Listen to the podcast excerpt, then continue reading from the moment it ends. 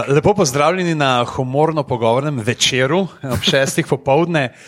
Uh, ampak ja, uh, če smo tako napovedali, smo napovedali. Ne, v, v neki časovni coni je zdaj že večer, uh, v neki drugi časovni coni pa je David Urankar in je dobro jutro.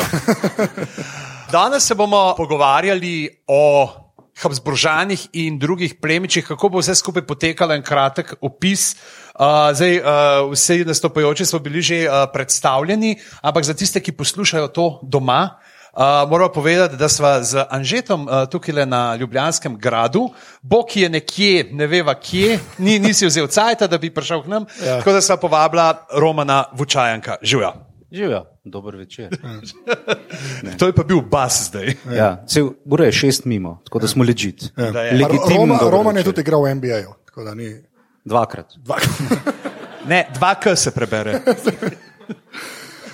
Uh, in uh, Roman, sicer uh, ponavadi smo ga uh, vabili v glave, v podrobnosti, kadar je bilo govora o mečevanju, o borbah, uh, danes pa tvoja druga strast, uh, zgodovina. Uh, kaj več boš o njej povedal kasneje, ne? ko sem te prosila, da prepraviš en krajši uvod? O... Krajši je. Krajši rekel. rekel. To je, kar je manj kot dve uri, je krajše. Uh, in so računali, da boš dolgo razpredal, da bo rekel ob sedmih konc, morda je tven in nama ni treba se prepraviti. Mi doma imamo te liste, sam se prepravljam. Zaradi lepšega. Jaz sem, si, jaz sem tle vzel uh, recepte za tiramisu, ki sem jih sprintal doma, pa upam, da nam bodo tle prišli. Uh, s časom, glavnem, uh, Roman bo naredil kratek uvod o Habsburgu zbržanih, par zanimivih točk skozi historijo. Ker sicer vsi vse vemo, ampak. Moramo malo obnoviti. Uh, potem pa je vsak od nas pripravil uh, tri zabavne ali čudaške fakte, dejstva o Habsburžanih. Nadaljujemo z jagodnim izborom drugih uh, plemenitežev. Uh, vsak ima pripravljena uh, dva plemeniteža, oziroma dve blagorodni osebi iz zgodovine, plemiški. Zakaj bomo obrazložili, in na koncu bo vsak pojel še svojega najljubšega fiktivnega modrokrvneža. Tako da uh, vsi, ki pričakujete zdaj le nekaj, iz, uh, kar vam bo pomagalo pri maturi na zgodovini, se vam globoko pravičujem. Šest evrov ste vrgli preč. uh, ampak uh, mogoče lahko Romana naštimate, da gre na mestu vas pisati uh, zgodovino. Sej, bi bil en tak četrtletnik, sej. Čisti, čisti četrtletnik. Ja, ker ljudje v četrtem letniku tako zgledajo. Glavnem. Tako da, ja, um, Roman, uh, da nas, uh, prosim, za začetek kar razsvetli, kdo in kaj so tile uh, Habsburžani. Še enkrat, vsi vse vemo, samo da nas spomne. Dajmo se mal delati, to je gledališče tukaj, tukaj smo v Grajskem gledališču, za tiste, ki ste doma in zato se bomo tukaj delali, bomo malo si šli teatra. Tako da vsi vse vemo, ampak ne, delamo se. Ja, uvod. Um, A da še eno nazaj. Um, en zimski dan je bil, tako se najboljše štorije začnejo.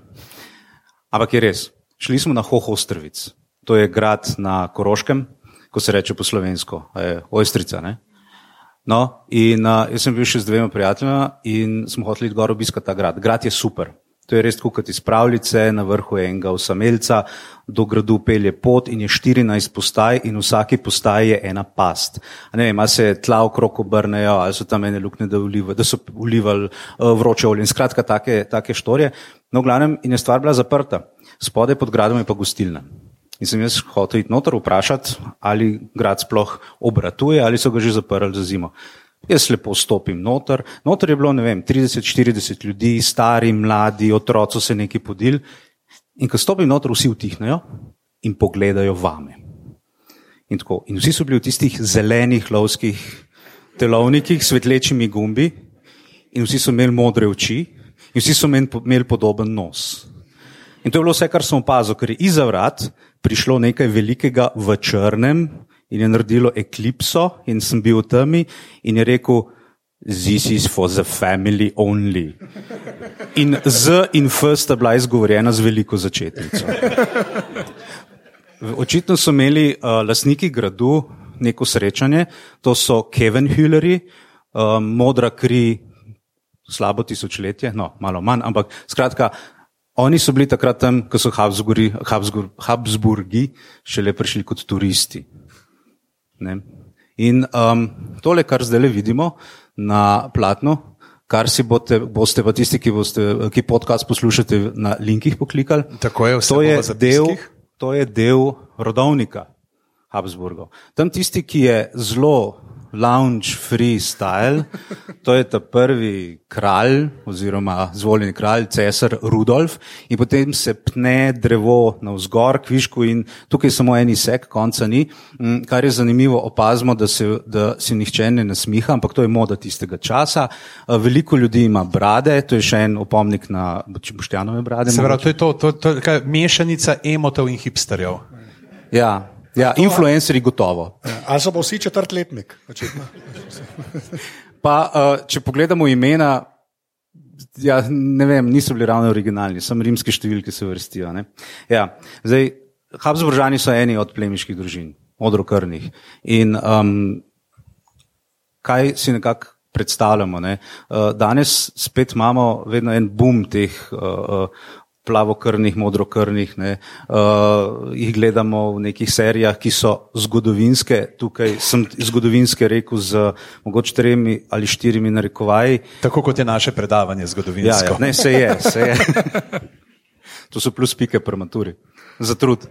Um, gre za to, da v bistvu plemstvo zmeraj povezujemo z, z, neko, z neko elito, z nekim bliščem, uh, ampak mogoče tudi kakšnim izkoriščanjem. Ne? Uh, ravno 16. oktober, to je bilo včeraj, um, 1793, je Marija Antoaneta postala krajša. Um, to je bila tista. To je bila tista, ki je nekaj govorila o nekem pecivu, ne? če ni za kruh, ne jejo pa pecivo. To je izmišljeno. Pač to so ji porinili v usta. Ne, ne morem reči v usta. ni tega Mislim, rekla. lahko, ker glava je bila dosti lahko dosegljiva. A, slova. Ampak, da sem pa resen, obstaja pa en krasni izrek, ki je pa bilo v marsikateri protiplemiški revoluciji izrečeno, kje je bil plemič, ko je Adam nivo oral. Ne, se pravi, pač, um, plemiči so od nekje morali nastati. Ne.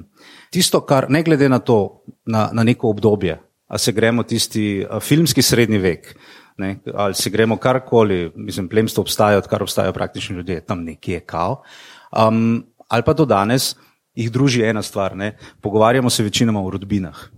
In to je tudi v današnjem naslovu, plemenite rodbine. Se pravi, ne en človek, ampak so sledje človekov, ali kot bi Aljoša rekel, ljudi, ljudine. Ne? Tako da to je ta, to je ta pomembna, pomembna stvar.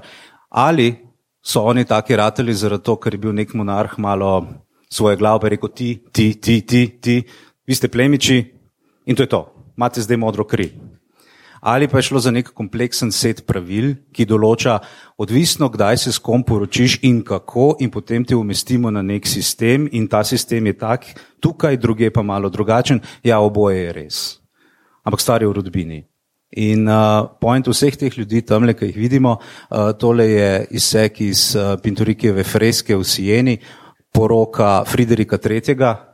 Habsburga in, in, in Eleonore Portugalske. Um, stvar je bila v tem, da si moral res dokazati, da prehajaš iz rodbine, in potem je bilo ok. Uh, kaj bi govorili, če bi takrat že imeli DNK analize? Ojej, ojej. Tudi do tega mogoče pridemo danes, pa tudi ne bo za maturo, ker vas boje ven vrgli. No, evo ga. In še za uvod še ena ostaja. No, tale fotografija malce, bom rekel, utrujenih obrazov, to so današnji Habsburgi. Um, ta dva uh, v prvi vrsti uh, ne, ne sedita več, sta že v kapucinski grobnici, um, kjer pokopavajo Habsburge. Uh, ostali pa so ne, in s čim se danes ukvarjajo, ali snujejo cesarstvo, podonovsko monarhijo, ali so se odločili, da bojo kakšno generacijo preskočili. Skratka, ne, bomo vprašali. Uh, z, ja, res, Karel von Habsburg, glava družine Habsburg, na vsake tok pride v Slovenijo, saj ima tukaj Evropski viteški red, dinastični red in mislim, da je ne 15 slovencev je članov tega reda, tako da ima investiture in uh, ravno lani dve let nazaj so bili tukaj v Ljubljani. Skratka, ga lahko vprašamo, če ga vidimo na, na cesti. Žal ga moramo res dobro pogledati, ker Habsburgi so zgubili tisto svojo fizično značilnost, o kateri bomo še nekaj rekli, nimajo več te značilne čeljusti. Kot skakalna čeljust. ali pa padalna, odvisno.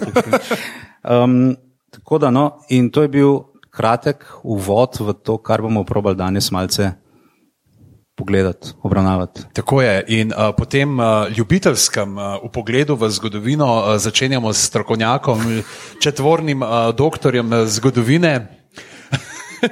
Imel sem jo na maturi.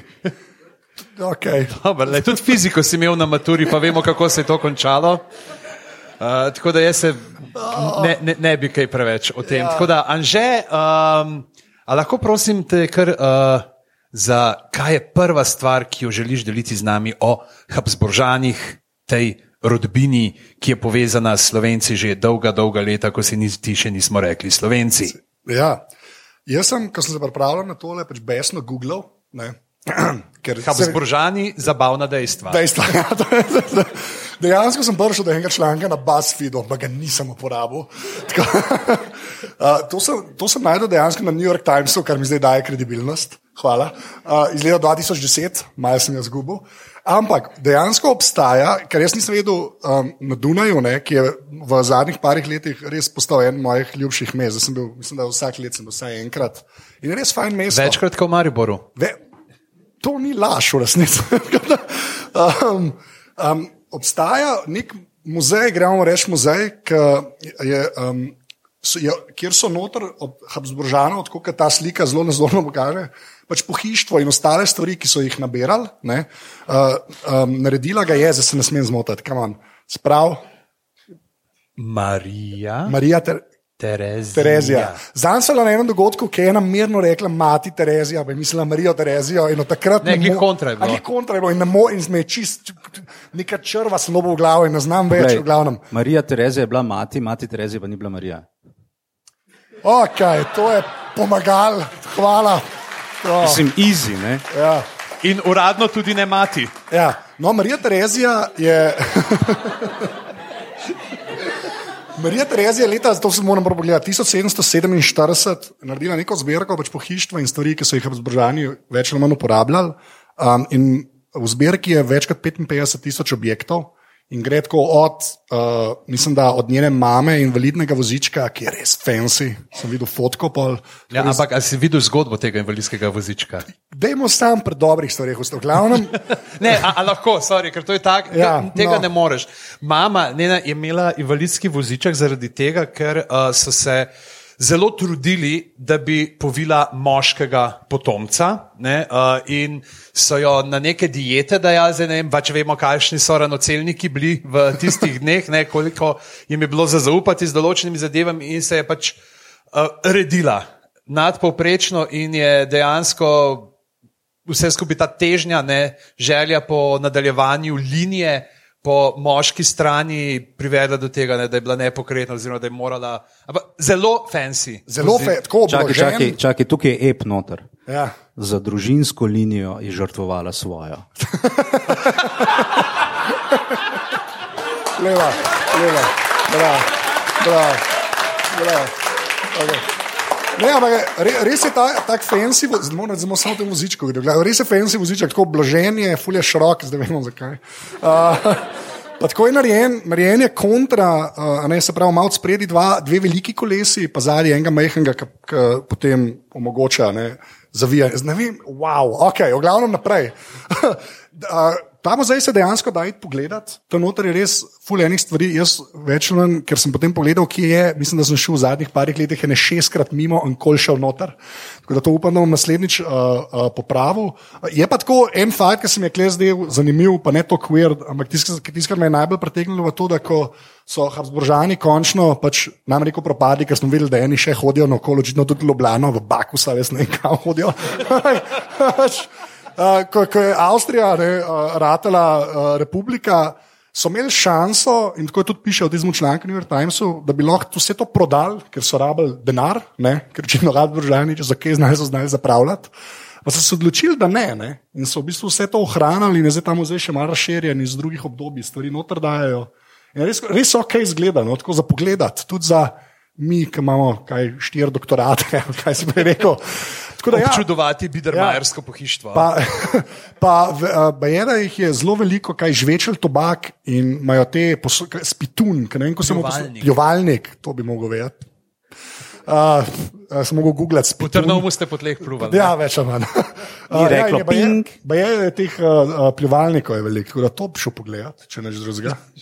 Um, pa ta voziček, ker res epsko zgleda. Čeprav še enkrat ta zgodba v zadnji, ker slabo.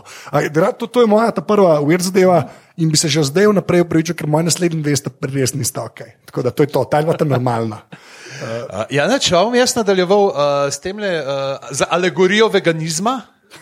Uh, uh, tole je uh, Rudolf II., uh, kot ga je upodobil Giuseppe Archiboldo okrog leta 1591, upodobil ga je pa kot Vertumnusa, uh, rimsko božanstvo vrta in cvetenja. Uh, Rudolf II.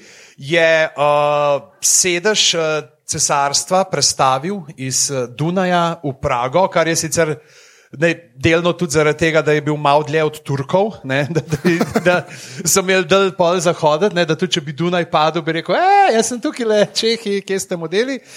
Uh, in je bil pa uh, zelo velik podpornik uh, umetnosti, znanosti in uh, ja, le, mislim, veš, Moraš biti zelo dober zapisan pri kralju, da si ga upaš tako Se narisati. točno to, kdaj, iz katerega leta je to? 1591, je pa tudi res, ker sem gledal druge njegove slike, si predstavljam, zakaj mu je bilo bolj ljubo, da je bil kot zelenjavni vrt uh, narisan. Se tle, tle zgleda ful zdravo. Ja. To bi mogel človek kupiti. To bi mogel biti, kako kupaš zelenjavo za juho. Tako mora izgledati. Nekaj tasga bi mogel narediti. Samo vem. Uh, ker prideš, no, v glavnem, in, ampak ker je pač, uh, govorimo, uh, seveda, o koncu 16. stoletja, je znanost uh, sestavljala tudi tretja veja ne, in to je alkimija. In je, tako kot si rekel, že, da so Habsburžani znali zapravljati denar, je on gore denarja zapravil za to, da bi se naučil, da bi odkril, kako delati zlato. Ne, kar je zelo logično, imaš full zlata in ga zagonš.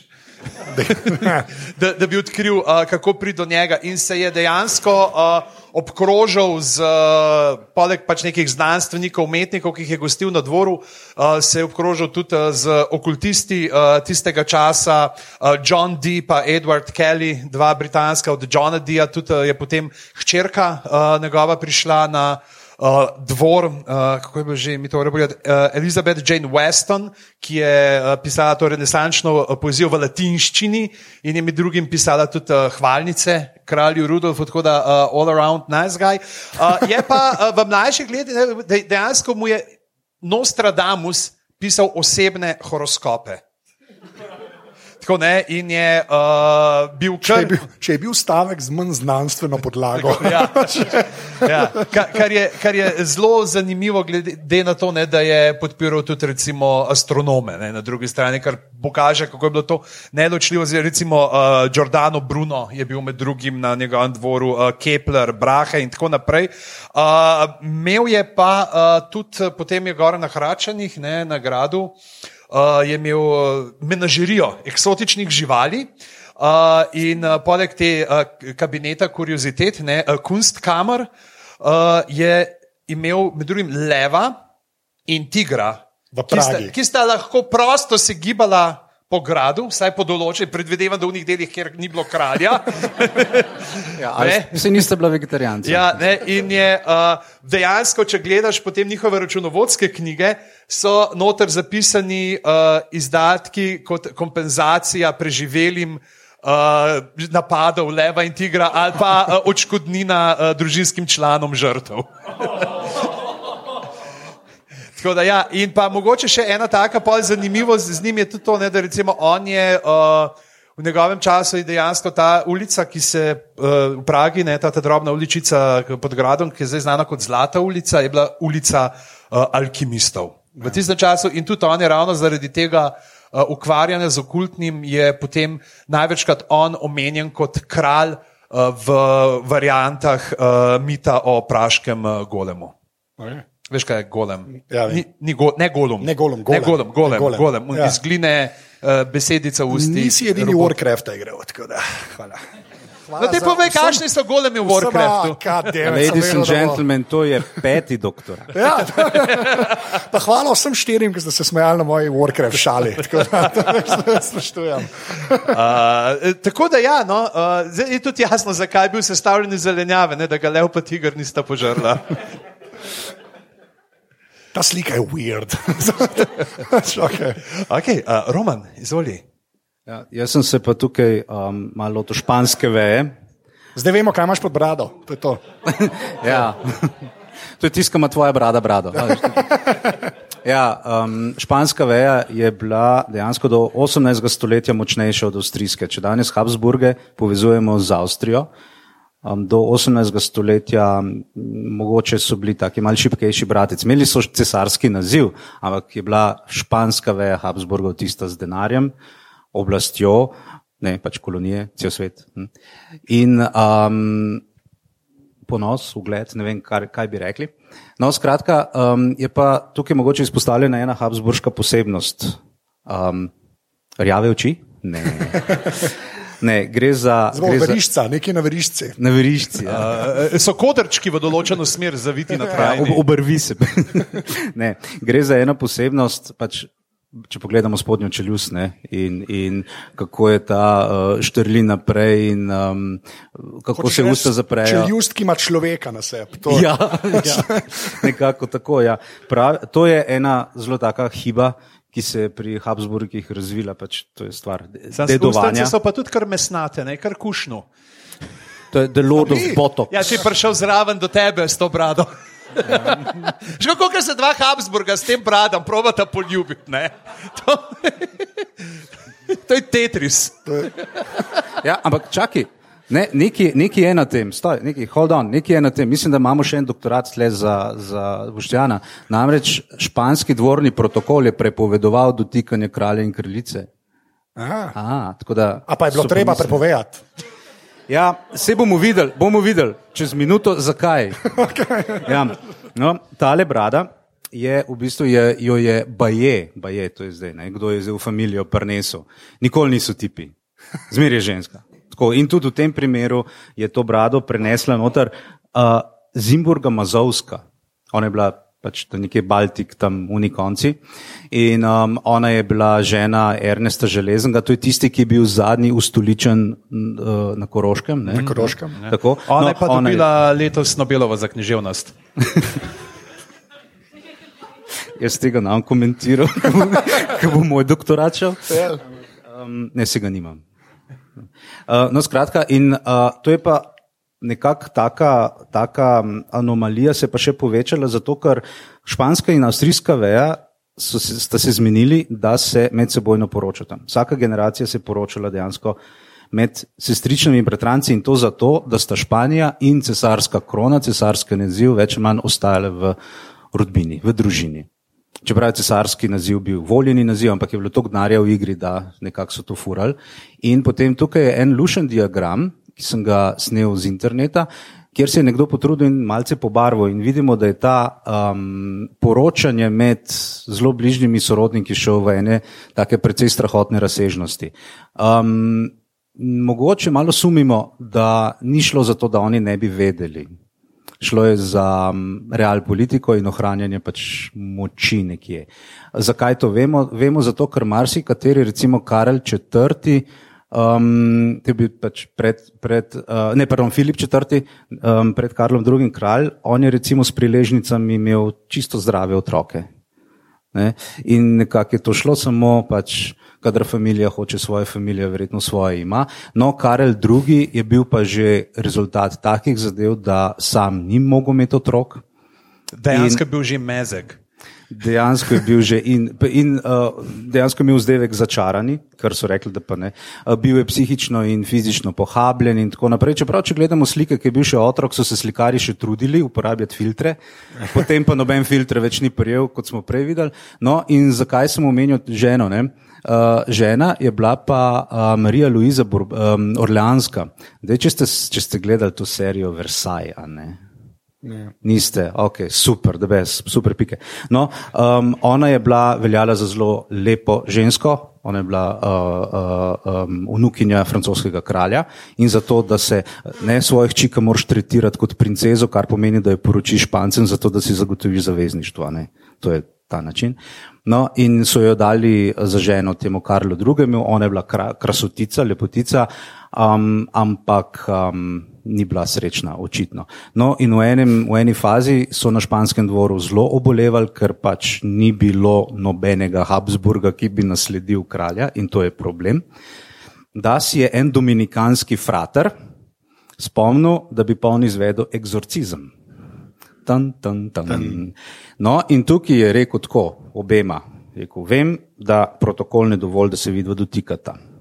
Ampak imam idejo, kaj pa, če gremo vsi skupaj v spalnico in se vidva slečita in jaz nekaj povem in potem naredim in kraljica rekla, veste kaj ne. In je šla. Tako da zdaj ne vemo, če bi ta eksorcizem uspel, ampak ta dominikanc pač, jaz ne vem, jaz nisem še videl obrazcev za eksorcizem, ki bi zahteval točno to slačenje kralja in kraljice, ampak no, ne vem, probo je. Je bila, grahova juha je bila, ki je upletena. Všeč mi je, všeč mi je lajm probo je. Ja. Kaj točno? Kaj? Um, Ne Dominikanc- pejte noter, jaz bom snemal, to je trenutno zelo popularen Ne, fetiš. ne, ne. No, v glavnem, in potem špansk, na koncu koncev, leta 1700, španska veja Habsburgov izumre in pride do ene hude vojne za špansko dediščino, ki upravičeno lahko rečemo prva svetovna vojna. Ker so se evropske vele sile rekle, haha, evo ga, eni močni so šli in vsak je hotel kos kolača, vključno z Leopoldom, avstrijskim Habsburgom, in ker so že bile kolonije v igri, so se dejansko fajtali posod, kjer so beli, mod, beli veliki ljudje bili, bili evropejci tam so se bojevali med sabo. Tako da, evo, to je bila moja verjetna zadeva. Pozitivna. Ja. Zelo pozitivna. Jaz sem nekaj o teh bratrancih v sestričnah. Ta Rudy Giuliani, ne, ki je zdaj odvetnik od Trump, zdaj ne vem, zakaj to razlagam, šino mi je v glavo. Je bil pa je poročen, so sestrično. Njegova prva žena je bila sestrična. Zdaj to veste, gremo naprej. Uh, samo, Kdo, kdo, no, uh, tvoja naslednja moja točka je. naslednja. Ja, tega pa res, no, ker da je. A ja, uh, to sem hotel jaz še ja, povedati, jaz sem zabil. To Da, da, dejansko, to sem pa zadnjič na Redditu najdel in sem rekel, moram to pogledati, da dejansko ta tudi Count Chocula je očitno Habsburžan. Sam ni pa, ni pa modro krven, bolj narjavo vleče. Ja. Tako da ja, tvoj, tvoj naslednji plemitaš je. Ja, Franz Ferdinand od. ja. Kaj da nisi pričakoval tega? Ja, sploh ne bi, bi bil razočaran, bi bil v resnici. Tako da od Gavrila, ta prijatelj, kako se temu reče. Uh, tega pa res nisem vedel, to sem pa na PBS-u najdel, kar je v bistvu kaj, jav, javni zavod v Ameriki, uh, TV, javni, zato se ne dobro sliši. Kaj je to Televizija. Poštna banka Slovenija, še to so začeli prodajati. Ja, to, so, to je zranči gumijev pa dežnika. V glavnem, uh, Gospa, boste desetek zgodovine. Aj lahko dvanajst. A, a od te vose kot Franca Ferdinand. Ne, a, človek je bil baje tako res bolesten lovec. Bole, ker lovci so lahko ok, to ni bilo ok. Ker, jaz sem prvo mislil, prvo je pisal, ful je streljal živali, zdaj rekel ful, pa je tako zelo rekel, ja, pobol je dva slona in so vsi živčni. Ne, ne. zdaj pa te cifre, to je res uver. Pač. In je imel nek ka- kao zveščič, bom jaz temu rekel, pač nek, nek kot je Excel, ki je mogel biti Excel, boste videli zakaj. Bil je influencer in imel molskin. Uh, se pravi, da je v strelu 272 1511 uh, 511 živali. To ni ok. Jaz bi samo to rad rekel na začetku. To bi mu bil še Tito Fauš. To res ni v redu. In pa je nek zgodovinar, ki je to za PBS govoril, to je zdaj citat v angleščini povedal, lahko pa pravimo, ampak mi je zelo všeč. Anything that move, he was, already, he was ready to shoot. Pač to je. In je imel pa ena, v enem dnevu, jaz ne vem, kako to dosežeš. Zato tle sem malo posumil, ampak so to te, to te dobijo s temi specifičnimi ciframi. A veš, mm -hmm. ni 30 tisoč, ne. V enem dnevu, ne bi kao, to je bil rekord, ker to šteješ. Um, 2140 um, pač ustrelitev dan. Hočeš reči, da je bilo streljanje na premikajoče tarče njegov princip? Oh, okay. okay. V redu. To je pa boljška sarajevska baklava. Misliš, ja, ne, se hotel narediti čalo z ikebano, pa sem ni bilo hladno orožje Ja, vmešano. ne, pa, najbolj kul je bil podatek, da njegov fotor Franc ne, uh, je opisal te njegove pač, eskapade, ko je res še enkrat 272 tisoč. To je kaj, to je kaj, 511. ja, 511. Ja, ker je imel, sprem, Excel je imel. To, če bi vse to dal zdaj v Excel, bi lahko bolj tako, koliko fazanov. Misliš- graf. Ja, Čak, a, kaj pa če so to bile lovske? Aha, sem tako specifična cifra, mene s tem kupijo vedno. To, veš, to, to tudi v horoskopu, če, ti, če bi ti sam pisal, spoznal boš, veš, štiri prijatelje, rečeš štiri. Priznal boš prijatelje, ne, ne verjameš več. Nostradamus je vedel, kako Rudolf napisal. Znanost. Ne, in pol je imel, in je imel vale te živali tudi gaču. In pa sem rekel, ker sem dobro, aha, gaču, gaču, jih je pa valjda sem 20 jurjev. Ne, ne, prijatelji. Okay? Kao, a ne smete 100 tisoč nagašenih živali. Kam to daš? Mogoče Ja, imaš to kako gradov, vil kar dosti in, gradov, ne? Ja. Če pogledaš eh, pred jamo, ne, tam so neke lobanje, neki srnjadi, pa, to, Ja. pa če prešteješ, je par ducatov ti zgani. Samo se, 100 tisoč, to je Ljubljana brez študentov. To ni.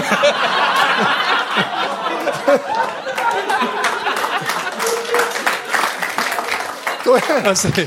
Pa, če priješ v četrtek zvečer, tudi študenti izgledajo nagačeni. Naphani. reči, Človeku se je Ali pa zadeti. ne, samo, človeku se je mogoče. Hoče, on se reče, človeku se je mogoče naredila usluga, da je znan po nečem drugem.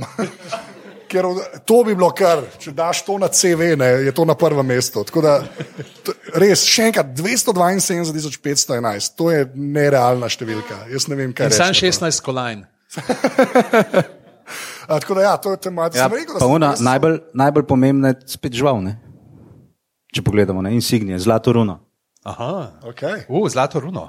Lej, To, to, to, je. to, to je pa red, ne, ki ga Habsburžani furajo. Tako je. Si to hotel kaj naprej še o tem povedati, ali boš zdaj Ne. nekaj nekaj besedica o tem? Okay. Vem, da ti imaš zelo rad te neke insignije.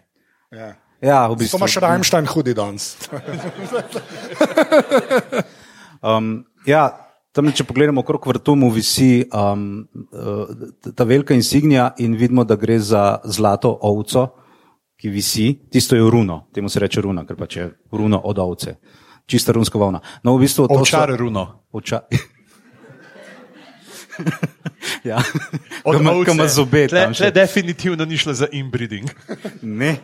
No, ta red je, je en zelo hud viteški red, ki še danes obstaja in obstaja v dveh, dveh vejah.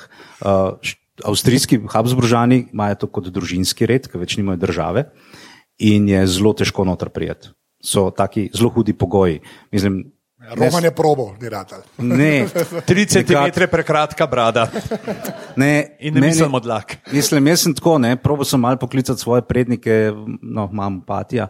Vprašati ti, a mi lahko dokažemo, imamo kakšne papirje, da narišemo 16-stopensko plemstvo.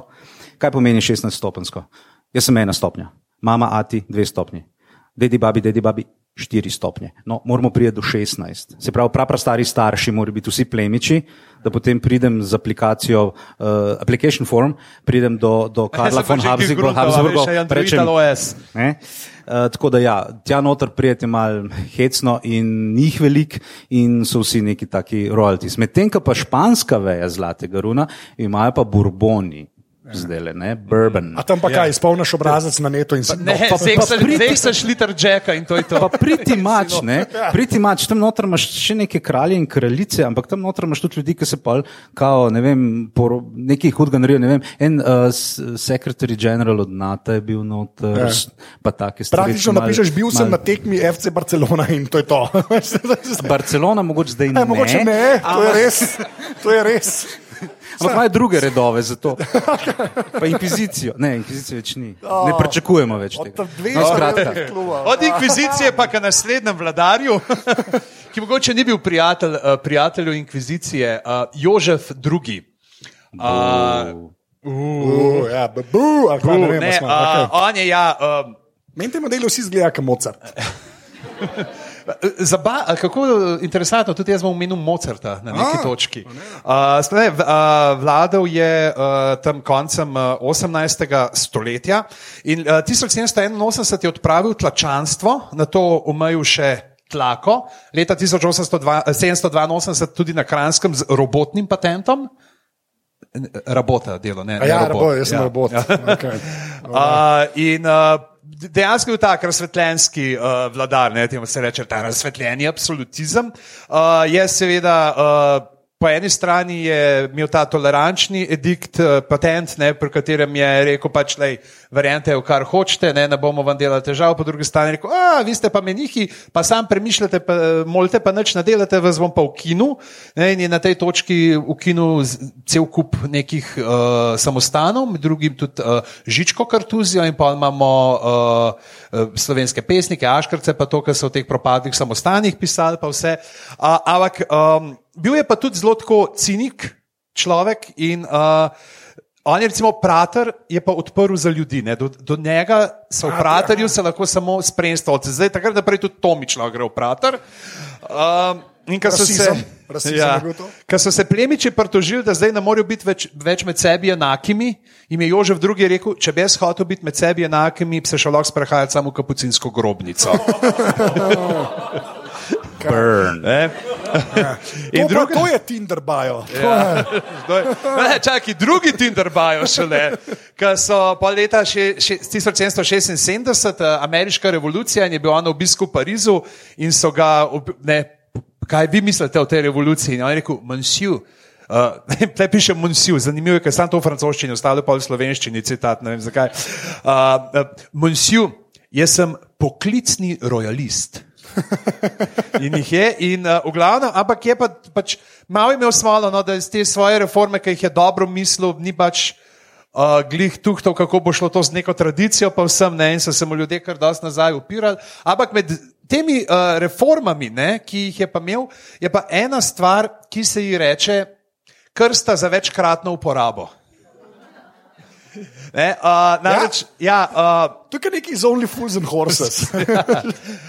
to, to je dejansko, pač, kot to tam opeva. Ne, ne, ma- ne maratonci, par, maratonci, ja. Ne bomo napačnih uh, dado. V glavnem, in uh, ker so. Vsi, evo, Mozarta se spomnite, kako so ga zakopali v filmu, ne, v tisti neoznačeni grob. Ne, zdaj, po eni strani ne bi, to, ne bi bile te krste zaradi um, tega, da bi se ljudje odvadili razkošnih pogrebov, sem nekje bral, ampak po drugi strani šlo pa predvsem tudi za uh, zelo praktično uh, odločitev, kako pač nekako da ni treba, glede na to, da je Dunaj rastel in rastel, da ni bilo treba tudi pokopališč širiti in širiti. Ne? In je bilo dejansko v ediktu, ki ga je izdal leta 1784 uh, o pogrebih in tem je bilo, da pač če je pogreb, na katerem je manj kot pet uh, pogrebnikov, pač pogrebcev, Oh, wow. uh, ja, da se mora nujno uporabljati ta krsta, ki- iz kjer so pa pravzaprav truplo zaslekali, ovili samo v platno ne, in potem položili v skupni grob, uh, pa med drugim ne vem, je bilo pa, pač tako, so odprli ne. In gremo naprej. Zdaj ne vem, je bilo to pa kaj popusta, glede na to, da je bilo z druge roke. Uh, ampak je pa recimo tudi druge stvari, ki se jih potem tudi, recimo, ne, ki, ki se vidi, kako je šlo za nekak šparanje s prostorom te, do tega, da je bilo točno določeno, koliko je grob lahko največ širok, uh, kako se morajo zraven in da so spomeniki bili dovoljeni samo ob uh, zidovih, samo ob obzidju pokopališča si ti lahko postavlja spomenike, drugače Ja, drugače pa ne. nisi smel. Ne, tako da, Ta cenzus je mal beden, če, če si nisem imel prijateljev, ta flak, kaj, to je to. Ja, to je Okej. to.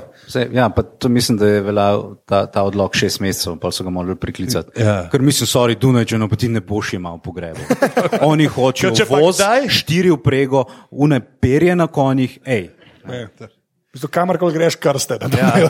In unika hodijo za tabo, ne stopajo v konjske fige, da so jo spolnili, več da se jim maščuješ, ker so bili šiti do tebe, ker si bil živ. Tako da imaš only fools and horses. Ja, imel sem. Ja, evo. A, Roman, izvoli, neka bula je tukaj. Ja, celo zlata. Um, tukaj lepa, ladies and gentlemen, je pa tako. Um, gre za politično gledano eno največjih prevar v zgodovini. Hoax, čisti, izmišljotina. Ampak kot vsa dobra izmišljotina so jo sprejeli kot dejstvo in je veljala in je bilo to to. Tole gledamo, kar je tu, je pač še en dokument privilegija Majus, privilegij Majus, ki ga je Rudolf IV. Habsburg, tam nekje 1358 ali 59, najdu. Rekel, o, o, o, jaz sem pa to najdel, smo najdli ene stare papirje na podstrešju. Pol, že- ne, tu se dobra zgodba začne. In kaj tam noter piše? Tam noter piše, da sem jaz največji car in je vse moje in se mi vsi klanjate, jaz sem vse. Uh, in to je Julij Cezar napisal, in to je Julij Cezar in Neron sta to dala meni. Tako, Kot da bi Asterix bral ali pa Kseno gledal. ne. Um, ja, gre za to, da cesar takrat niti ni bil iz rodbine, je bil iz ene druge rodbine. Ne. Habsburgi, zanimivo, niso bili vedno cesari in so se morali kar truditi biti cesari. No, skratka, Rudolfu je spodletelo, da bi Avstrija postala volilna kleževina. Pravi, da bi se uvrstil med tistim, ki volijo cesarja. To je zmeri dobra stvar, če si elektor. Danes tega uh, niti ne preveč ne mm, šmirglamo, ne, kadar so volitve, ne hodimo na volitve. Ker, uh, če bi nas bilo pa samo sedem, pa mislim, da bi se kar tepli, da, da bi bili noter. Um, veliki delež. No, v glavnem, in on je potem tako napisal: O, imam dokument, habemo z dokumenta, in, in noter piše, da je Avstrija nadvojvodina. To je kar zmišljeno. Če ste vi, če je vojvodstvo, mi smo pa nadvojvodstvo. Evo, za forum. No, in v bistvu še enih par notr takih zadev, uh, cesar in so to poslali cesarju, češ, wow, to smo najdel. Zanimivo. Cesar je tisto pogledal. Zanimivo. Cesar je pisalo mailu. Ja. Subject line, zanimivo. Ne, res, true story, hashtag. To so tetovirali na goloba, kaj prinesel. Cesar je tisto pogledal in je rekel, meni, meni malo tle neki ne diši ravno najbolje. Uh, in je vprašal Petrarka ne, za mnenje. Petrarka je tisto pogledal in je rekel: tako, ljubljeni cesar, uh, temu lahko verjamete samo osov in rjoveči osov in še ena druga žival, se pravi ne. Cesar je tisti zavrnil in rekel: žal ne. No, Rudolf je bil pa tako ustrajen, da je tisti enostavno veljalo. In Avstrijcem je potem po eni drugi poti ratalo dobiti cesarsko krono in so rekli, da če to velja. Niso več rabili biti volilni knezi, ker so imeli cesarsko krono in uh, privilegijo Majes je veljal, obveljal. Rodbina je še co rekla, da je prepovedano diskutirati in se pogovarjati o tem, tako da to je to. In je obveljal do 1800 in še nekaj, uh, ko je pa že bilo avstrijsko cesarstvo in ne več svetorimsko cesarstvo, tako da e. Eh. In evo ga, tako da tale prevara, ta en um, izmišljutina je prav taka lušna zadeva in presne Habsburgi ne bi bili več Habsburgi. To je najbolj zanimivo. Ne bi, ne bi se oni furali s cesarsko krono, tako izi. Je jih ta. Ja. Zato vedno pogledajte dva krat, preden kaj odgovorite po mailu. ne odpirajte neznanih pripomb. Ja. Uja, to pa so strings attached. Zdaj mi je kar malo žal, da sem to zbral. Še ena res grozna zadeva. Fox tossing se temu reče. Lučanje. Kje te stvari najdem? Prvo, res, pa to rečeš, da je z izmislom, pa je pa tok slik, da te prepričate, vse te prepriča. Tako, to je bil nek popularen, dejansko tekmovalni šport, Aha, tako da tekmovali so o tem, kjer je to tako zgledalo, da so naredili uh, krog ljudi, ali pa videl sem tudi deske so postavili. In pa so vzeli tako dolge rjuhe, kar koli je to bilo, pač, in spustili noter boge divje živali. Kaj jaz danes delam? Boge divje živali, ne samo lisice, tudi jazbece je pisal. Kar koli so najdel, in potem so te živali mogli lauvati med ljudmi. In pol unke je, in valjda dva sta to držala, ne? in ker je lisica, gremo reči lisica, prišla na, na to juho, sta mu da potegnila in je šla lisica v luft. In pa je bil tam Franz Ferdinand. Pol. In, in unke je pač dosegel najvišjo višino, je zmagal. Kako so to merili? To je bilo, jaz. Aj je bila veterna izravnava? Ne, pa še kaj, kle se dobro vidi, ki jih je več. Ne? Jaz sem pa še en diagram najdel, ki jih je bilo tako res teh parov, recimo je bilo tako, to, ne vem, tako deset parov, živali laufe, uni vlečejo, ti so se leti v luft. Ne? In pa je pisali, da so se tudi tako kao namaskirali, ker je bil pustal, whatever. In so se vsi v neki pač našemali, te živali so bile tako našemljene, neki ljudi, ki jih niso marali. Tako z nekim kartonom in pa so laufale in, in sem tako res grozen, res grozen. No? Ampak, je pa tisto, kar je. In pa že spet si rečeš, mas je to zelo hitro nehal. Ne, prijatelji. Ne? Ker je bilo pač, ko piše pač in par so bili v 17. in 18. Ko moraš dva momenta veš, da je trajal. Ne? Pa res fulje enega slikovnega materiala, hvala Bogu, so sam slikali, ni bilo, ni bilo GoPro-ja. Ampak gre pa dejansko, verjetno pač iz tle izhaja pa ta tradicija nošnje lisičega krzna okoli vrtu. Jaz ne vem, kaj je ostalo te lisice. E, Ker si v vrhu, pa ti je padla za vrat. Za vrat. Pa, oh, grem svečko pržgati. Tako ima res grozen. To, res, to so te Wikipedije, luknje, v katere padaš in bolj to zveš. Zdaj, to, dokončno le nam to vedo, to ni v redu. Um, tako da ja, Fox tossing še enkrat. Noče sploh nisem to prevajati tega. Zakaj? Mi to že ena stvar, ki lahko ostanejo v zgodovini. Lučanje lisic. Lučanje lisic. Ja. Ne, ampak tako, jaz sem res dve zbral, ki se žvali, ali res imam furač žvali. Na krožniku. Zdaj v mikrofon. Rudolf II. je tudi imel ful rad živeli. očitno. Ja, to je. V glavnem, ta je bila moja ta tretja. Ja. Ja, uh, jaz sem pa tukaj le, uh, spiritualnega predhodnika Kingstonov. Uh, kot vsi vemo, ne, je uh, cesar, uh, Habsburški cesar Mehike, Maksimilijan I. Mehiški, ne, uh, je bil prvi, ne, ki je zapel uh, tri prste tekile, limono in sol, tako kot znani idrijski pesniki. Uh, bil je mlajši brat uh, Franca Jožefa. In uh, ga je Napoleon, ne vem, da je tretji, uh, pa monarhisti mehiški so ga na finto spravili, da bi on šel malo uh, v Mehiko, da je tam ljudstvo je željno cesarja, uh, da bo on tja prišel, da se bo malo sprehodil, kakšno lisico zalučal komu ne, in ga bodo navdušeno pozdravili, dosili po rokah. Uh, ampak potem resnica je bila žal precej drugačna. Uh, on je imel nekaj res razsvetljene ideje, kako bi ne, lahko uh, tam uvedel neko sodobno šel družbo, ampak uh, ki je prišel tja, je videl, da stvari niso take, kot se zdijo. Na koncu končal pred strelskim vodom, uh, njegovi uh, ženi Šarloti pa se je omračil um ob tej vesti in uh, je tudi sama kmalo storila konec. Živela sta v Miramaru, sicer, kadar nista bila v Mehiki. okej. Ja. Uh, in uh, je, je pa ta zgodba zanimiva za nas, predvsem zaradi uh, tega, da je on takrat, ko je šel v Mehiko, je vzel s sabo vojsko ne, in so nabirali uh, ljudi, uh, da grejo z njim. In, uh, to so tako imenovani Meksikajnari, ki so jih v Ljubljani nabirali v cukrarni. Right. Ne, ja, tukaj je bilo pač te. te, te to, to, to the- so zdaj uni v cukrarni, ki niso imeli jedke. Ja, se to se To nekaj. je, uh, Sta, stavba s pozitivno konotacijo.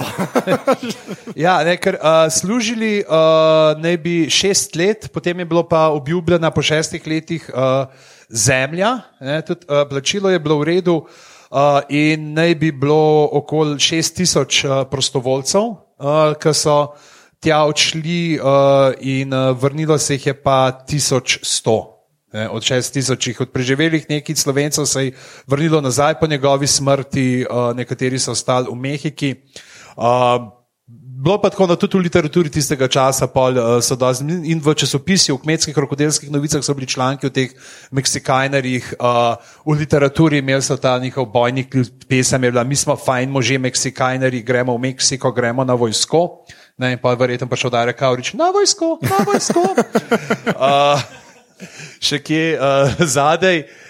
Uh, je pa, mislim, da no, tudi ni pa vsem to tako neznana zgodba, ker je bila vsaj v zadnjih letih pri nas tudi, uh, če ne z drugega, zaradi stripa. Ja, Mladini, uh, kaj, uh, Zoran Smiljanič, uh, pa uh, Poš Marjan Pošavec kot scenaristka sta naredila petdelno sago, pač slovenski western. Ne, Ja. in, Res dober strip. Da, uh, Ja, to je, to je- mislim, da imam tudi uh, sliko stripka tlede. evo. Ja. Res to. proper, proper strip. Ja, to je ta, to obdobje, ko so Habsburgi, družinsko gledano, bili kar mal v eni, v eni težki fazi. Ne, mogoče tudi iz tega pol izvirajo ti ekscesi, ki se potem štejejo v Exceli, Excelovih fajlih in tako naprej. Ja, ne, ker on kot mlajši brat Franca Jožefa, um, Franc Jožef mu je zelo odsvetoval take ene avanture, ker je Napoleona III. zelo poznal. Ne, mislim tako. In Napoleon III. je bil zelo taka, mm, pre, prevrtljivec in je Maksimiljana dejansko pustil na cedilu. No. Ga je tam pustil. No, um, to je bil, se pravi, mlajši brat je šel. Uh, žena od Franca Jožefa, ne, Sisi, pa ne Romi Schneider, Maguna. Ne, njo je zaštihal anarhist. Ne, uh, potem od Franca Jožefa sin. Prestolonaslednik je tudi ne, ja. storil samomor ali pa kakorkoli že rečemo, nekaj se je zgodilo. Skratka, eno obdobje takih zadev se je Pa dogajalo. ni bil sam, ne? je še svojo ja, ljubico ja, sabo. vzel. 17-letna ja, baronesa, ampak. Um, To si nekaj hitro rekel. Ok, Prosim? Nič, ja, pet Ne, ne. A baronesa. Ja. Ne, se ne nabrnijo tako na hitro, ne, kada, no, ne smemo vedeti nekaj. ne, Um, no, naprej, v glavnem, in, in, in tukaj, tukaj res vidimo te ene družinske, um, kako bi rekel, fore in enega cesarja, ki to proba na en način držati skupaj, no zven pa kazati eno zelo tako čudno držo. On je hotel, Franc Jožef namreč proba loviti to očetovsko držo do države. Um, to je eno Orto Biedermeier, tako ne, že to so meščanski cesari, tle več ni blišča in ne vem česa, ampak je tako Orto in je poveljnik in je ta pravi in zato, ker mu je mladost izoblikovala vojska, ne, 1848 imamo te punte, ki mu rešijo Vindiš Grec, pa tle Banjelačič, ne, pa tako Radecki mu rešijo situacijo in od takrat naprej Franc Jožef, ker ima rad uniforme, ne, tako šteka foro. No, ampak hočem reči, 19. stoletje je bilo tako hecno za družino mogoče.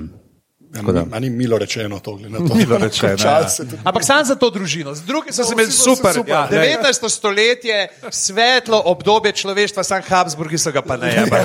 Ja, tako je. Tako je. Ostalo tisto, razcvet. veš tisto, ne, o srečnih družinah in nesrečnih družinah. Ne. Tako je, ja. Um, 16. oktober sem rekel, ne, Marija Antoaneta. Ja. Žiga žaga glavo preč. Ja, v bistvu ni bilo žiga žaga, bilo sem fic. Ampak Sam to nimate pravega ritma za otroško pesmico. nima, nima. In tle pride une, konfekcijske krste. Prav. No, v glavnem, um, njo zanimivo ni toliko potica odnesla. Ne, kot sem rekel, če nimajo za kruh, ne jejo potico, to je čista ena izmišljotina. Ampak uh, njo je v bistvu odnesel bolj porn.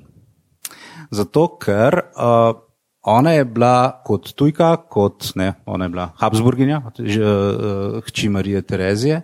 Um, in mati kralja, ki ni mogel kaj preveč dati svojih naslednikov, in tako naprej. In v Franciji uh, monarhija je bila zelo nepriljubljena že nekaj časa, že zadnja dva, že zadnjega kralja in pol. Mm, ja. Ker šele, ko je bil Ludvik XIV, malo starejši, so se upali to povedati na glas. Da jim ne bi še enega Versaja naredil, nekje v šampanje. Pa pa uf, ne. Uh, no, skratka, in, so, in je takrat bila ena zelo taka moda delati uh, rumeni tisk, ampak na orto, orto grozno potenco. Uh, še posebej zato, ker so se tele uh, žurnalisti pod narekovaj priselili v London, se pravi, so bili onkraj uh, dosega pravice francozov in so sproducirali take stvari in zelo take grde pornografske insinuacije, ne? rekli so jim je libelisti. In um, zelo veliko jih je bilo usmerjeno v Marijo Antoaneto ne? in so jo slikali zelo, zelo grozno. Uh, ne bom tukaj nadaljeval v eter, kako zelo grozno, ampak uh, to je ena od bolj tamilih zadev, v bistvu to je čistaka iz slikanice zadeve, ona je tudi grafika. iz zelenave narejena. ali- Ta, imaš take Temo reči, da je ki so- zelenjava je bila prisotna. Ja, Ful melancano, Kaj- ne gremo naprej. Kaj, ja, Ja, naprej. kaj že tisto zelo, zelo, tisto zelena in ne vem kaj. Ne. No, in uh, zanimivo je to, ko so jo, uh, ko je bila na procesu, ne, kjer so ji pač pred sodiščem, ne, da jo obsodijo, ker seveda glave ne boš sekal tako brez uh, sodbe, to je barbarsko vendar. ne. Uh, Luija XVI. so jo enostavno obsodili zaradi izdaje, pa država, pa politične zadeve. No, njo so pa maltretirali ravno po tej neki moralni plati in so vlekli ven te pamflete in tako naprej. In tako, naprej. tako da so jo zelo očrnili in um, no, skratka, tako ena bed stvar. In uh, ona se pa je zelo dobro držala, ne? da je bila karakterno ostala. A ja, čez- ta fama njena je na podlagi nekih modelov iz Londona. Več ali manj. Zelo, ja, Ali zelo na podlagi. Wink, wink, nudge, nudge, ali kako to. Lej, kaj ti jaz vem, po drugi strani je to vse en francoski dvor, ampak tako daleč ne morem jeti. Ne, veš. veš, jaz ne vem, kako se stresa ta puder z teh lasul. To... Ampak zanimivo je to, ne, da če beremo Kloderja Slaklosa, ne, ta uh, Le Liaison d'Angere, če se vsi spomnimo, uh, vidimo eno tako obnašanje. Ne, vsi vemo, Malkovič, uh, Glenn Close. Mm. Tisti, ki je eno rivska, dejansko zgleda mlajši v tistem filmu, ni skozi isti. ne. Pa, ni, noben- pa nima nobenega kuška v tistem filmu, tako da to je good stuff. dobro, ja. ja. Čeprav vse je neki fajta na koncu, pa neki štiha. Ja, No, to je bilo to. To, to je bila tvoja domena. A, zdaj gremo pa Zdaj na pa mojo. gremo na leto nič. Zdaj gremo pa na družine, ki še zdaj kaj. po- Ne, se ne. Pač zdaj smo rekli, da bomo svoj, to v bistvu posl šele dojel. To niso naši najljubši, to tako bomo začeli. Hmm. Kao, ne, un, ni mišljen, upam, ni bilo tako mišljen. To sam, Rekli smo, ja, na, uh, povete svoje idole. ne, jaz, imam, jaz imam neko fascinacijo. Ka, o, Vidim. V, v, Nad lovci. Pač sem Severno Korejo že večkrat omenil, ampak vedno dam to kaj, uh, preambulo. Ne, povem, da, resni, to je res grozna država. Resnici. To, tam ljudje res trpijo. Jaz sem kol nočem delati norca iz njih na, ta, čist, na, na to prvo žogo. Ne. Uh, kjer je, haha, le kako oni živijo, ne? ker, ker, ker gro, v resnici je grozen, tri četrt cajta nimajo za jesti. Tudi čist priporočam, če niste slišali. Enkrat je bil uh, uh, Boštjan Videnšek, ki je bil v podrobnostih, uh, smo se z njim pogovarjali, ki je dejansko bil tam. Ker obstaja neko že društvo prijateljstva Severne Koreje in Slovenije in en Mariborčan to fura. Vsak let jim prinese tri flaše vina. Vina, in- ja, pa olivno olje. Uh, in, ne, in um, je bil dejansko tam, se splača poslušati, no, ker je res uh, ena reportaža je takrat naredil za delo. No. Ampak jaz sem jih pa klepat zbral, samo zato, da A, na to spomnim. Pa B, re, meni je fascinantno to, predvsem tam, kjer je mene kupila Severna Koreja, to se bo zdaj res neumen slišal, je, če gre človek na Google Maps, bear with me. Uh, je pač cel svet, ne, več ali manj. So tam neke stvari narisane, pa tako mesta označena, pa poluna satelitska slika, zgleda ok. ne. Pa priješ pa na Severno Korejo, je pa pač tema. Ne. Zdaj je nekaj zaradi tega, ker nočejo se zameriti ne, uh, celi rodbini. Ne. To je Rekel si, bear with me, se pravi, zaradi medvedov so ugasnili luč. to, ja. To je za Natašo Briški zdaj, kot če vejo. Ne, ampak je pač to, kar so oni tam začeli, je res ena tako zelo izpirjena verzija. Sploh ne socializem, mislim, da je izpirjena verzija komunizma. Jaz mislim, da komunizem ok izpade, ker vidiš, kaj ti ljudje počnejo. Ne, ampak tisto, kar je meni fascinantno, je, da se še zmeraj držijo. Pa si upam reči, da ne zaradi res svojih, eh, kako bi rekel, pretkanih taktik in česar koli, ampak zato, ker so se znajdali. Pač, Zaradi spretnega poročanja znotraj družine. Znotraj družine. Ne, ampak pač zaradi tega, ker so res geostrateško tako pomembna uh, pač država, ne, ker, kjer sta se prvo lomila pač Rusija in Amerika, zdaj pa pač nekako obstajajo kot uniki, mogoče imajo raketo ali pa nimajo, pa zdaj že spet imajo, pa mogoče jo nimajo. Ne. Pa danes sem se ekstra spomnil, ne, ker je pa njegov, pa se pravi, vnuk. Ne, Uh, je bil danes objavljen na včeraj na res epskih fotkah uh, belega konja, ne, kjer, je, kjer on gre vsakič, ko ima težko odločitev na neko goro s tem konjem. In presežen na fotki tako zgleda, da se drži za konja, ki so ga slikali, to je una en frame.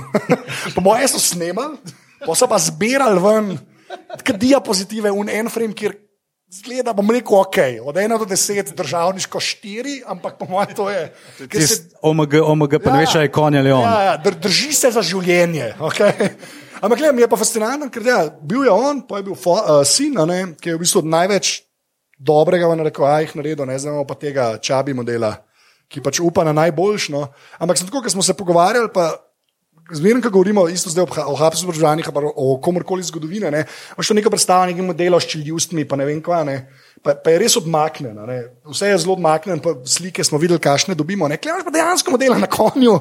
V bistvu so dinastija, kako koli obrneš, saj tako, enkrat se jih bo tako jemal, čeprav je njihov, njihov podstav zelo socialističen in komunističen in vse ljudstvo dela, nič ljudstvo ne dela, tudi je ne, ampak kar, kar grozen. Ampak kako vem, se sam fascinanten se mi zdi, ker je pač, ker je fotomaterial, je, no? niso samo slike, pa, pa, pa um, Sam ni ta prav diktator, ne? ker pravi diktator na konju je toples. To pa vemo od enega drugega. To je res. to je res. Ampak tako pa kul je, ker je družina, ampak pol tudi, ko bereš na to, kar se po teh uh, potomcev uh, tiče, vsi so imeli neke ljubice. Mislim, da pri njemu je celo pisalo, tako, da je imel dve ženi, ena je umrla, ki je, dru, a, ki je hčer, dva sina je imel, ki je hčerko rodila, je umrla, posebej še enkrat poročil. In pol je tako zgodovinski zapis je. Naj bi imel tri otroke z njo, tam naj bi mene vedno ubije, ne? ker kaj, saj to bi lahko vedel, ker pa so zmeraj imeli ljubice in 17 tisoč otrok, ne? ampak naj bi imel tri. Ker v vsakem pristanišču, imajo oni pristanišča, imajo pristanišča, v vsakem pristanišču. En, 200 tisoč 511. ja, s tem te kupijo, ampak ja, ne, tako da jaz, jaz sem njih izbral, ker Evo. imam neko, v bistvu, ne ok obsesijo Severno Korejo. Ja. Jaz pa v to uh, mogočno moško družbo pripeljem eno uh, žensko. Ja, fotomaterial. Je-. Fotomaterial in sicer uh, Barbaro Celsko, ki je posredno kriva, da ima svet grofa Drakulo. Ja, pa v bistvu imaš prav. Ne, evo, Imaš dajmo prav. povedati. Barbara Celska. Uh, dober, tole Barba, dober. ne, bomo na, se sam na kratko. Uh, Hermanova hčerka, Friderikova uh, sestra, uh, poročena z Zigizmundom uh, Luksemburškim in je bila, uh, se je za svoje čase kar znala postaviti zase, ne bi imela malo tudi tak alternativni dvor. Uh, poleg uh, svojega, poleg uh, moževega, uh, živela je koncem uh, 14. stoletja in uh, se tudi tako na stara leta, pač Praga, pa te konci, ne, pa Češka pač se ukvarjala z okultizmom. Uh, je zelo tako zgod- zgodovinsko naslikana kot neka zelo negativna oseba, uh, čeprav ni nujno, da je bila, uh, predvsem zaradi. Zgodovinopisja katoliškega, tako je bilo pač, kar, jaz, to se zdaj ne točno, to, če ti veš, bral nekje, da ne bi bila ta pogodba, po kateri so imeli v tej rodbini moški potomci, so, ohra, pač, so morali biti katoliške vere, eh, ženski pa, ženske pa pravoslavne, da je neka ta pogodba bila uh, sklenjena, ne, tako da bomo zdaj vsi prijateljčki tukaj in je že zaradi tega. Uh, bilo, no, in uh, potem, uh, ko so se z Bogomili uh, v Bosni uh, dajali, uh, na začetku 15. stoletja, ne, to so te stečki, te, unet, uh, se ne spomniš, ne, ti, ti, gla, ti, si- ti, ti si da nisi Nisem več tega še enkrat prezgodovini. rekel, kot beremo v, pa mu sem rekel. Ja. v glavnem, no, in so ustanovili uh, ligo ali združbo, imenovano Zmajev red, uh, oziroma nek, nek pravi tudi red premaganega zmaja. Ne, kako Ne, bi to odkriva. Ordo drakom, kako bi to, kako je to? Prvič ni bil red, Ni bil red. ne, Aha, to v heraldiki Sloveniji, ki skozi poslušajo od okay, okay, povej. Um, to je bila združba zmajevcev. Združba zmajevcev, se pravi združba Olimpija. zmajevcev. To ni tako, kot. Realno gledam. Se, se ta zmaj zgleda, da ga zadavlja slamce Malo kasneje, malo kasneje pa res rata red, ampak ne od zaradi No, ampak ja, no, v glavnem, in uh, kaj je pač potem zmajevi združbi, uh, v kateri je bil uh, potem uh, na neki točki, uh, če imamo tu, vlad drugi, ne, uh, Drakul, uh, oziroma Drako, on si dal ime. Po zmaju, ker je bil pač član te združbe, zaradi tega si je njegov uh, sin, Vlad Oh, wow. III., uh, potem dal Drakul kot zmajev sin. Ne? In iz tega, pač, potem, ker je on pač, ki je Zaradi celja, če prav razumem. V bistvu si to zelo dobro prepeljal. Ja, zaradi Celje Celja. je krivo, da imamo vampirje. To je to. Uh, ja, in, in je pač. Uh, To, to, to je ta povezava slovencev z, z vampiri. Če smo imeli že uh, lani na podrobnostih na meji nevidnega, kako je prešeren pisal o vampirjih, ne, ja. Ja. to zdaj imamo pa tudi še to uh, drugo zgodovinsko uh, povezavo. Cele je ok. Cel, in recimo, ne, ampak to je najbolj kako je Herman II, ne, mislim, da je prav grof celski, ne, je bil grof celja in Zagorja. Ja, mislim, če pogledamo, malce, malce odmikamo, ampak ima povezavo s Habsburgi. Celjani so delali praktično enako stvar kot Habsburgi, samo v neki ključni fazi je zaradi sreče ali pa biologije ali pa kakorkoli pogledamo, je pač njim. So, se jih je spozneslo, Habsburge pa ne. Namreč, uh, kot so Habsburgi, vse, niso vse svoje posesti imeli v cesarstvu, ampak izven in potem so uporabljali tisto, kar jim je pasalo. Praktično. Ne? Zato se, so se zelo fajtali za krono, mačarsko uh, uh, in tako naprej. Tako so tudi celjani, niso imeli vsega na Štajerskem, ki je bil del cesarstva, ali pa Kranjskem, ali kjerkoli že, ampak tudi Zagorje, pa tudi Bosna. Ne? Izven cesarstva, ampak del mačarskega kraljestva in tam jim je res malo, malo manjkalo, da niso eno tako dinastično bazo si naredili, v cesarstvu jim je pa uh, zaradi barbarinega moža, bi rekel, ne, uh, ki ga je Herman tudi rešil. Uh, bitki so dobili pa tudi naslov državnega kneza. Prav, to je pač ena te specifika cesarstva. Ampak pa so malo rekli, je da je pa manjkalo, pismo, da manjkalo, smo manjkalo. državni nadknezi. Ampak so Habsburgi rekli, mm. Tako da ja, uh, Roman. Ja, no, pri vseh teh plemenitašev sem, sem pa šel malo bolj na, na socialno noto. To je bankir. ne, res, res. To je Jakob Fugger, ki je, um, se mu je zgodilo to, kar se je zgodilo marsikateremu plemenitemu človeku, ne se spomnimo, kje so bili plemenitaši, ki je Adam ni ural, um, ki imaš zelo veliko denarja. Pa kar naenkrat mogoče ti kaj priplava in rateš modrokrven. To je taka ena zelo dobra kemična reakcija. Mogoče Rudolfu ni ratalo, ki je bil že od začetka modrokrven in to nič še nimalo. In podobno je bilo tudi recimo v Ljubljani.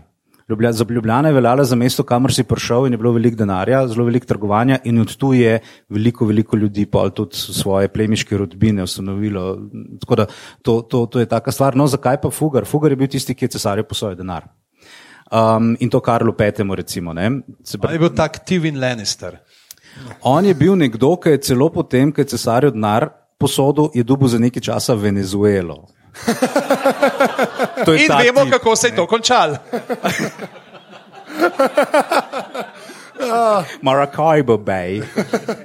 Um, no, v glavnem, ampak ta vsa bogatija um, in vsi ti plemiški zadeve in tako gor in dol, tip je bil, tip je bil iz Augsburga. Uh, to je eno tako zelo lušno mesto in s patricijskim, uh, s patricijskim slojem ljudi. To so plemiči, ampak so meščani in so bogati in jim ni ravno treba do gradov iti, ker oni vejo, da so bogati. Ne?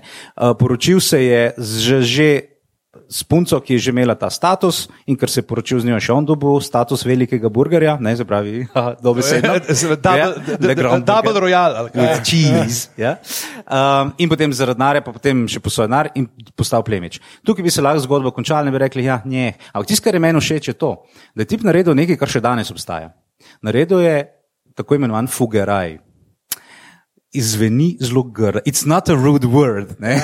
Ne, i, i, Ampak- jaz si tle predstavljam une skakalce, ki si fugajo, ki pluvajo. Ja, preden se v spustijo bistvu po gre pa zelenišču. za to, da je to vrsta stanovanj, zgleda kot male hiške, ene 60 kvadratov, ki je bila namenjena za revne in so tam za en renski gilder na leto, to je preračunano 0,88 evra.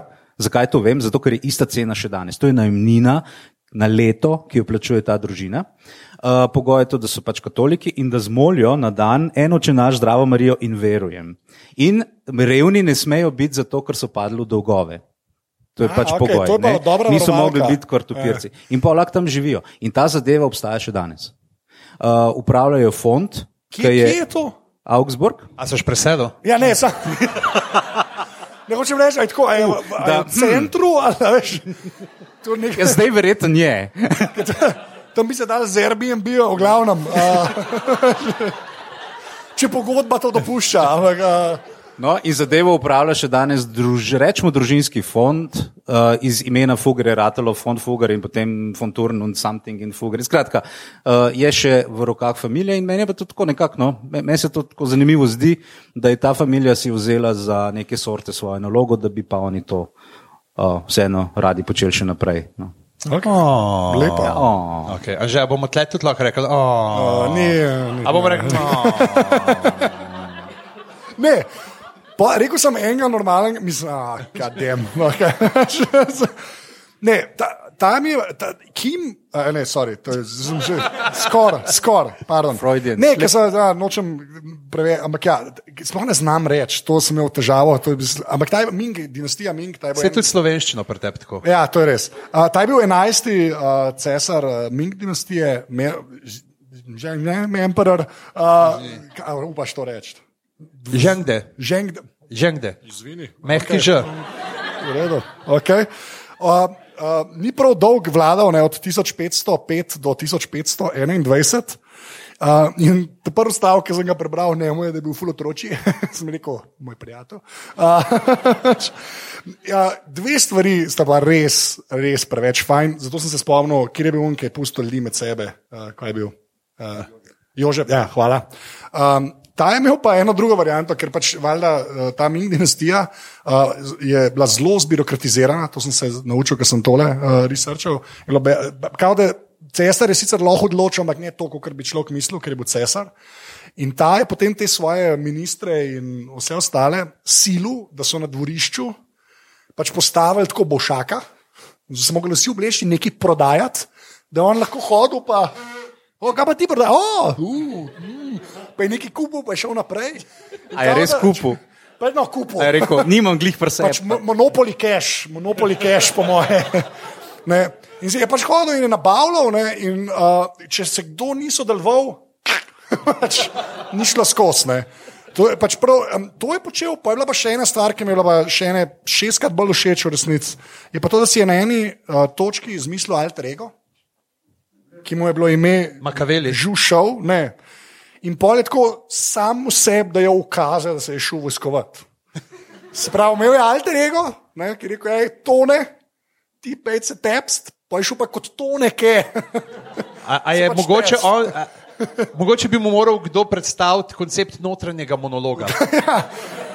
Tako da te dve zadeve ste imeli res, ampak sploh ta, da si narediš bošaka na dvorišču in se pol greš, jaz sem normalen človek, kupujem stvari. In hodim, in oni so molili, pa zdravo, no, le, že smo, o, najboljša stranka, ali what, mislim. Ampak te brezstično, kar dajte. To se mi je zdelo tako fenomenalno. Pa tako leta 1500, a veš, res. Yeah. Sam, sam, te, sam te vaze poznamo od Mingo, več ali manj jaz. To je pa nekaj novega, tako da ta je bil moj. Evo, jaz sem pa par desetletij naprej, uh, tiho brahe. Valjda. Valjda. Uh, slišal že, da je. Ja, Prej, prej sem ga omenjal. Skakalc. The man with a copper nose. Ja, uh, človek, uh, matematik, uh, sicer uh, en naj, član ene najpremožnejših danskih uh, plemiških družin, uh, ki se je na neki točki zapletel z nekom glede nekih uh, matematične formule in namesto, da bi on rekel, "Ahaha, ne, ne, prijatelj, če citiram tebe, "Ahaha, ne, ne, ne, prijatelj, poglej, tukaj le damo tri naprej, x se gospod in jaz imam prav. Ne, on je potegnil meč in rekel, prijateljček, bova videla, kdo ima prav. Ne? To je ta empirična znanost. Ja. Uh, in uh, je Ostra bil, je znanstvena metoda. Ja, ostra znanstvena metoda je poskrbela, da je, so bili dokazi nasprotnika močnejši in je uh, ostal brez nosa. Tako je, da je do konca življenja nosil bakren nos. Imel pač bakren nos, ki si ga je gor dal in je hodil okoli. In to je ena najbolj normalnih stvari pri njemu.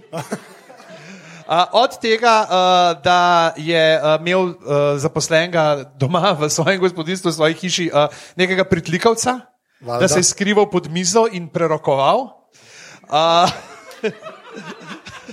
potem je imel udomačenega jelena, V, do, v domače, ja, udomačenega okej, jelena, Ja, ja, ki mu je rad pač. Kao prijatelj, ne, sta malo popivali skupaj in je uh, žival je umrla, ker se je zložila dol po štengah, pijana, zaradi pira. Od tu izraz kick the bucket. ja. A, ne, zato se reče klicati jelene, ki bruhaš. A, Prid nazaj, prid nazaj. ne, ne bi bil uh, tudi uh, ljubimec uh, kraljice Danske, to ni, ampak naj bi bil, ne, tako kot tam naj bi imel tri otroke. In, in, in naj bi bil mogoče celo nekaj, oh, oh, za Hamleta malo idejca, čeprav to se mi zdi tako zelo za nos privlečeno. Uh, Je, uh, je pa, uh, kot rečeno, deloval je na uh, dvoru Rudolfa II., ne, zelenjavarja, ga in on in uh, Kepler in skupaj sta pač zelo velikih nekih znanstvenih uh, dognanj, uh, kar se tiče astronomije, nove pozicije zvest planetov uh, dosegla. No, uh, je bil pa potem tudi to plemiško življenje usodno znan, ker je bil v Pragi na nekem tem kraljevem sprejemu in uh, ga je tiščalo scat, ne, kot uh, ta najhujša muka po Adiju Smolarju. Uh, in, ampak se je bal, da bi bilo neuljudno, če bi pa on zdaj vstal, ker je tam kralj. Pač ti ne moreš vstati, pa uh, grem malo odtočiti, pridem nazaj. Glejte, Leo gre. Ja. ne, in Veš, mogoče zato ni hotel, ker se je bal leva. Ne, ker bi nekaj- v glavnem, Če in že nos zgubiš. In je toliko časa čakal, da je, se mu je vnel mehur in je čez 11 dni umrl. Ah, In pač, da je pač kao, lahko sam še po par kapljic malo spuščal ven tiste preostale dneve in ni. Zelo- zelo in, in je sam popisano. sebi, je imel pa dosti časa, da je sam sebi napisal epitaf. Uh, živel je kot modrec in umrl kot bedak. Uh, so pa pol dejansko bila neka, eh, pač potem sumi, če ga je mogoče Kepler dal živim srebrom zastrupiti, pa nekaj to, ampak so ga leta 2003 so uh, odprli grob, vzeli uh, nekaj. Dlake, DNK, ja. no, kosti in so ugotovili, da pač uh, niti podrazno ni bil zastrupljen, ker ni niti v njih minimalnih Ja. dos ni bilo živega. Kepler spet ušel. Ja. Sam veš, to je taka zanimiva stvar. Niti, s- če, ne vem, prob, uro problemi in odpadli nosovi in te zadeve, ni to zadnji stadij sifiliza. Ne vem, sam Ja, pol raje rečeš, je, da je si- pa tudi res, a veš, tudi če je pol na koncu, če mu je malo uhajal, se je tako ni vohal. Ok, naprej. naprej. Okay, tiger, tiger. Evo, da zašpilmo. Ja, še, še pri Tiho Braheju, on je tudi uh, Galileja mal hecal. Ne? Uh, je tudi rekel, Galilejo, krasna ideja, dokaž. Ne, ne da se ta zvezdna paralaksa, te, tega ja. se ni dal zračunati tam nekje do 19. zmert do 19. stoletja. In uh, zanimivo je to, da je bil on eden izmed tistih, ki je ustrajal, naj dokaže. Zdaj jaz mislim, da mogoče, po tem, Hotel kar si rekel, je hotel se itak In Galileo že rekel, izgubil, kaj ne. Ne? In Galileo je rekel, hej, epor si muove, mogoče, ampak to pomeni mogoče kaj drugega. Ja, mogoče. In vendar bom spizdil. Ja. Ja, jaz sem si pa zbral enega meni jako ljubega plemenitaša. Ne? To je Peter Aleksandr Freiherr von Ustinov, um, krasni igralec, moj najljubši Herkul Poirot. Res. Um, pa pa še marsikaj, kaj še, eh, cesar Nero, verjetno. Tista njegova, uh, ko Rim gori in on zraven poje, in uh, Pet, Petroni zraven reče: plešči, plešči, in če te luča kra zapeti, te mali z Alan Forda zdaj. Ampak, um, no, skratka, on je, on je iz tam, um, iz vzhoda prišel, migrant v Britanijo. ja. Njegov fotor je bil dip- diplomat, je pa potomc bil, ne vem, tam od vzhodne Evrope tam do Rusije in potem zraven pridejo še uh, iz Palestine neke etiopske krvi in še neka taka krasna mešanca, res, ki se je v njem uh, naredila v eno zelo, zelo tako žlahtno, žlahtno stvar. Tip je iberkrasen. Na YouTubu je veliko njegovih takih uh, pogovorov, no, uh, snemanih in je take šale pokal na nivoju. No, mislim, take res krasne. Um, tisto, kar je pa pri meni, mogoče še ena stvar, ki mi je zelo všeč, on ima je bil tudi odlikovan, ok, pač CBE, ne, Commander of the British Empire, pa Sir Peter je pa tako. Ne. Ampak tisto, kar je meni najbolj všeč, je to, da je on vitez reda otroškega nasmeha. To je dejansko ena. Reči noski, mi jih imamo tudi. pol. No, tako so, tak, ne, in to, to je tisto, wow. Ne. Evo, Okej. Tako da oni imajo. Ti, pa- ti imaš samo tako, oh. Ne. A ne, da. In Lepo ne, da, je, lepo je, da lušen, skrbiš. lušen. In še en čist kratek krok ja. Ja. fiktivnih eh, plemičev. Ja, Povej, Anže, za tiste, ki ne vidijo slike. Mislim, neko so- azijsko temo danes, ne, tako sem slišal zdaj le. Ampak sem dal slike na kup, tako nekaj uči se. Ja. Uh, to je pa kaj, Filipa Đorđu, ne, uh, uh, ki je bila, zdaj to je treba razložiti. Uh, obstajata dve. A, a, a lahko zablaskate tisti, ki ste slišali že za Star Trek? Samo to, da vidimo, kje je. Aha, ok. Edim prav. Uh, če imam iz česa doktorat. Uh. ne, zelo hitro. Ne, jaz, sem, uh, jaz sem dejansko kar fan uh, ta, ta zadnjega Star Treka Discovery, uh, ga, ga, ga kar z veseljem gledam, tudi zdaj bo počasi uh, tretja sezona. Obeta.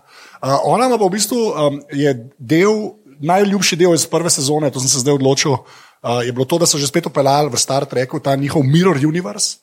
Uh, to je leta, da, kdaj je bil original uh, v 60-ih, ko je bil original Star Trek, je to tako izgledal, ker so pač imeli sete že postavljene in so rabili narediti neko zgodbo, sci-fi, in res so rekli, uh, obstaja vesolje, kjer so vsi zlobni na isti ladji. In pa pomeni, da si imel cele scene, kjer so bili normalno oblečeni v Star Trek, pa so bili pa z bradica. tako si vedel. Oj, bradica, to je to, to si Bradica, zlobneš. Zlobni človek, ne, brez vlade. Ej, okay, ne. Tako zdaj v, v Discovery, to je pa ta, ta, ta zadnji Star Trek, ki se zdaj dogaja, eh, so pa to ta Mirror Universe nazaj pripeljali, je ona res ena taka BDS uh, uh, cesarica, uh, tudi zelo ključna in v bistvu preživi in gre v naše normalno vesolje. Hvala Bogu, so obupali s temi bratami, iskreni. Až pa ne samo zaradi nje, zaradi kogarkoli. Tako kot Max von Sydow, ono Emperor Minga, veš, tisti Flash Gordon. Uh, ja, in je, in, je, in je res tako eno od teh likov, ki ki je človek uh, vesel, da so že spet začeli Star Trek delati. No. Tako da to je bil samo moj promo. Za katerkoli Star Trek se pa splača pogledati, uh, zih je kje na YouTubu. Na Netflixu tudi je uh, original series, ta Mirror Mirror epizoda je kar ena bolj znanih. Pa pol vidite, resmo, uh, vidite Leonarda nimajo kot spoka, ne kot spok. Pa je pa spok z bradico, še enkrat. Tako da, to, to, jaz imam eno, mislim, imel sem, že mi je razpadlo, sem eno majico, ki sta bila oba spoka gor. Tudi sem hodil pohvaliti, ker Da si imel majico, ki je Sem imel majico. razpadla. Ja, več ali manj. Spok, ja. spok, spooky.